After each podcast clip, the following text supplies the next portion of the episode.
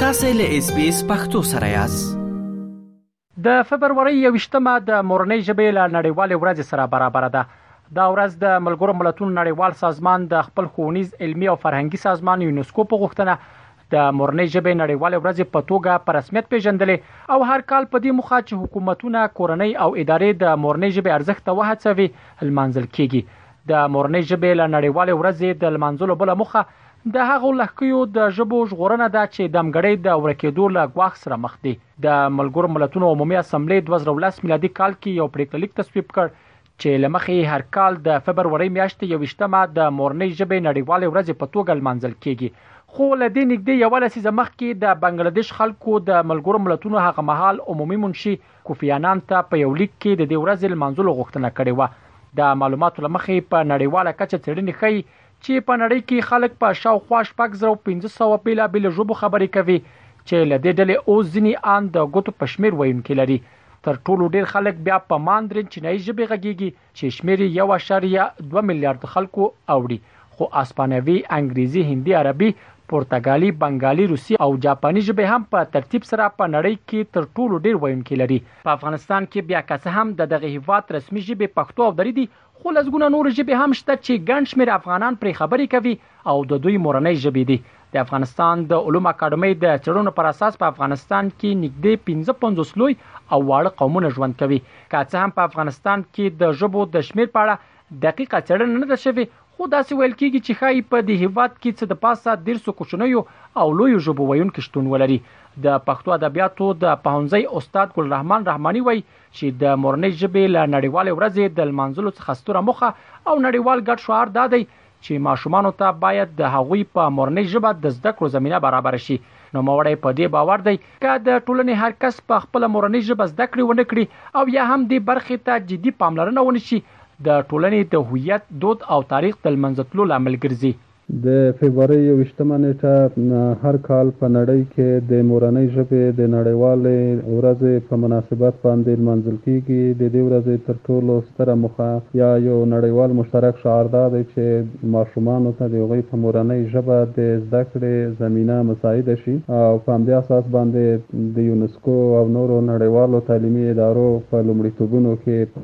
د مورنۍ ژبې راوستل د دې یوه بله مخه ده. تاسو پوهېږئ چې د ارواپوهنې او پیداکوژۍ له نظره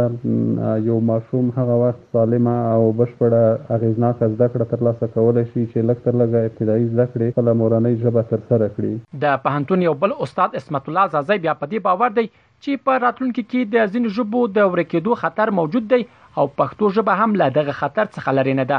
نوموړی زیاتوي، په کار ده چې د ژبې نړیواله ورځ ولمانځل شي او راتلونکو نسلونو ته ورسېږي ترڅو د ورکېدو څخه وژغورل شي. تاریخ په اوږدو کې ژبې ډېرې زیات له منځه تللې دي، البته په راتلونکي کې د زیات شمېر ژبو د له منځه تللو خطر موجود دی، نو پښتو هم له دې ختنې لرې نه ده. ګورئ تاسو، سانسکریت هغه ژبه وه چې د پښتو خور بلل کېده، خو د ویونکي د کمېدو له امله پښتو خپله دا خور له لاسه ورکړه او دا سانسکریت په نوم ژبه اوس په نړۍ په ځمکه سر باندې البته نشته، نو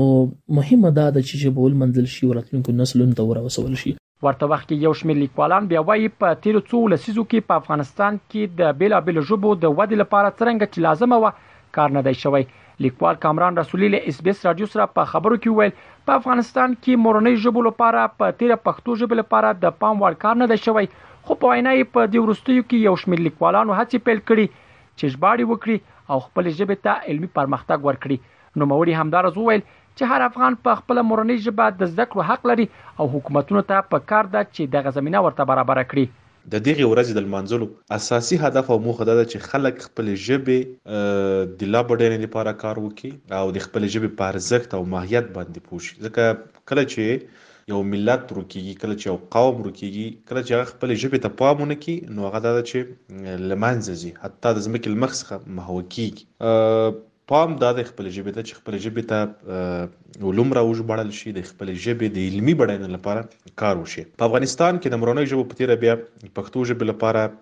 تر اوسه پورې چې څنګه اړتیا ده لازم دغه شان کار نه ده شوی خو په دې وروستیو کې ځینې لیکوالان هڅه کوي چې ژباړې وکړي او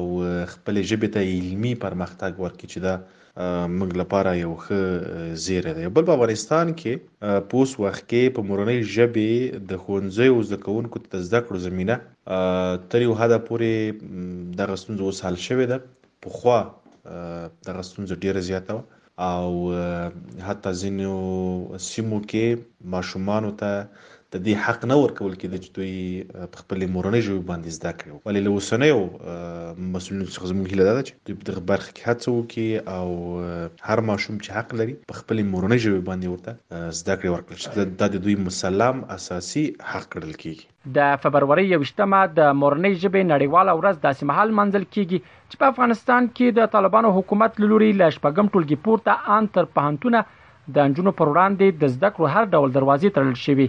که څه هم په دې اړه په کور دننه او بهر پراخ خبرګونونه شته خو د طالبانو حکومت لا هم انجونو ته د زده کړو اجازه نه ده ورکړې رحیم الدین وریاخیل اس بي اس رادیو افغانستان